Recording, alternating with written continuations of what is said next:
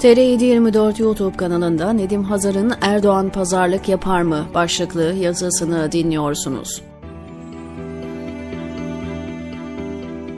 Son günlerin en popüler konusu Erdoğan iktidardan gitmek için pazarlık yapacak. Gerçekten böyle bir şey olur mu? İşin aslı faslı nedir? Buna bir bakalım. Biliyorsunuz, darbeden 1-2 yıl sonra ara ara bu başlık hep gündeme getirildi ve pek bir netice çıkmadan kapanıp gitti. Bunların bazılarını bizatihi iktidar, bazılarını ise gölge iktidar Ergenekon tayfası çıkardı.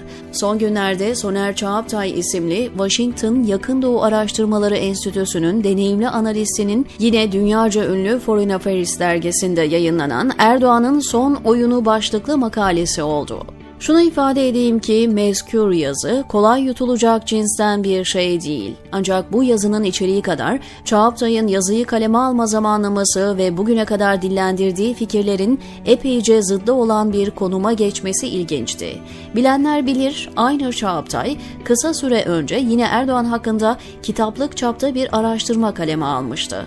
Sonbaharda bir Sultan başlıklı kitap Erdoğan Türkiye'nin kontrol edilemez güçleriyle yüzleşiyor alt başlığını kapağında taşıyordu. Kitabın içeriği ise enteresandı.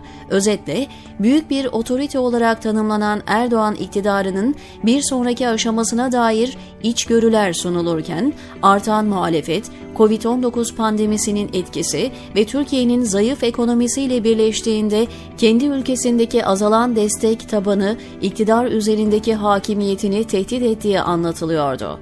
Kitabın en ilginç kısmı ise Erdoğan'ın bundan sonra yapabilecekleri hakkındaki ciddi öngörülerdi. Çağaptay şu kanaatteydi. Şüphesiz Tayyip Erdoğan 21. yüzyılda yerlici popülist siyasetin mucididir.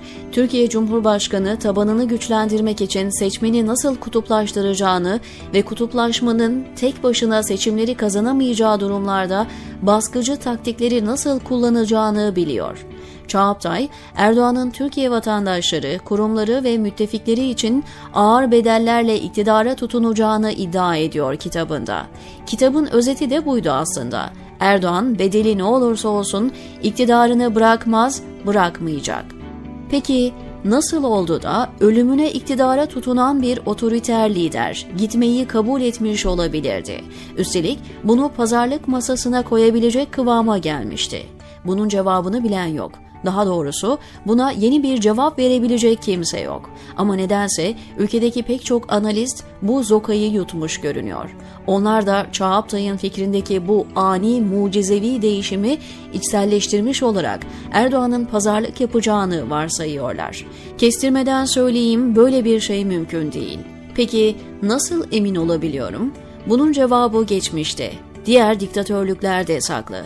Hiçbir diktatör ister batıdan ister doğudan bu tür bir pazarlık yapmaz. Bir kere diktatörün pedagojisi buna engeldir. Son ana kadar zihni kendisine öylesine oyunlar oynar ki sonunun geldiğini bile kabul etmez. Dolayısıyla bu tür pazarlık son anda kurtarma gibi durumlar diktatörler tarihinde istisnai bir durumdur. Üstelik Erdoğan henüz o eşiğe bile gelmiş durumda değil. Yani ülkesi kontrolden çıkmadığı gibi Türkiye büyük oranda hala Erdoğan'ın kontrolü altındadır ve arkasında hiç de küçümsenmeyecek bir halk desteği durmaktadır. Peki bu dedikodular nasıl çıkarılıyor? Sanırım en akla yatkın cevap iktidarının gizli ortağının böyle bir Ali Cengiz hesabında olmasıdır. Şunu kabul etmek lazım. Erdoğan bazı şeyleri gizli ortakları sayesinde şüphesiz başardı ama Ergenekon tayfası başarılı icraat ve stratejilerine halen devam etse de ülkeyi arzu ettikleri kıvama bir türlü getiremedi. Sanırım onların hesabına göre iki yıl önce Erdoğan yalnızlaştırılmış, itibarı tüketilmiş ve halkı inançlı kesimi bir daha en az 30 yıl tekrar iktidarda görmek istemeyecek kıvama getirilmiş olmalıydı. Bunu başaramadılar şüphesiz. Ancak Erdoğan'ı şahane bir şekilde yalnızlaştırdılar. Doğu Perinçe'yi son bir yıldır ortalıkta, ekranda göreniniz var mı? Usulca çekildi sahneden ve bütün fenalıklar Erdoğan ve saraya yazılıyor artık. Dahası Erdoğan bilerek, isteyerek ülkeyi ekonomik alanda bitirmiş durumda. Şüphesiz bunda kendi ve yakın çevresi için ticari kazancı öncelemesinin de etkisi var. Son döviz vurgununu pervasızca yapmasının sebebi de bu şark tüccarı zihniyetiydi kanaatimce. Şu anda yalnızlaştırılmış bir Erdoğan, korumasız olarak siyaset arenasında tutulmaktadır. Ancak muhalefet arzu ettikleri kıvamda agresif ve dinamik olmayınca doğal seleksiyonla tükeniş bekleniyor sanırım. Bu sönümleme ne kadar sürer bilmiyorum. Lakin bildiğim kesin olan bir şey var. Tekrar başa dönecek olursak, Erdoğan asla ama asla pazarlık etmez, etmeyecektir. Diktatörlüğün ruhuna aykırıdır bu. Hatırlayın diğer siyasal İslamcı lider Karamollaoğlu'nun görüşme sonrası yaptığı açıklamayı. Erdoğan'a göre ülkede hiçbir sorun yok, tek sorun %51. Kesinlikle doğru bir tespit. Bilmem el sahaf, sarraf değil, denilen figürü hatırlar mısınız? Saddam'ın propaganda subayıydı. Resmi adını ve titrini söyleyeyim. Irak Enformasyon Bakanı Muhammed Said El Sahaf. Amerikan ordusunun uçakları ülkesini bombalarken Amerikalıları bitirme hareketi başlattık. Bugün işleri bitiyor ve kaçacaklar içerikli basın toplantısı yaparken bulunduğu yerde bombalanmaya başlayınca içeri kaçmıştı.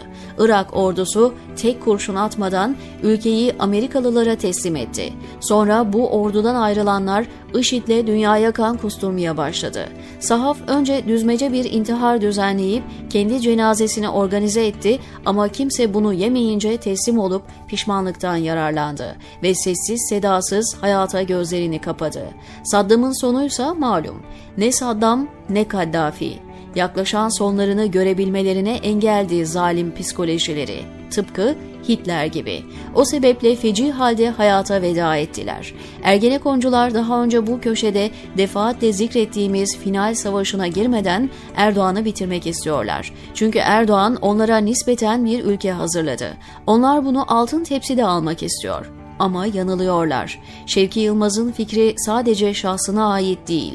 Eğer Erdoğan gidecekse emin olun ülkeyi tamamen yakmadan gitmez. Hitler kendi yaptırdığı otoyolları bu halk layık değilmiş diyerek bombalatmıştı. Saddam kendi petrol kuyularını ateşe vermişti. Erdoğan'ın elinde ise perişan etmiş olsa da hala bir halk ve ülke var. Bitirmeden gitmez, diyor Nedim Hazar TR724'deki köşesinde.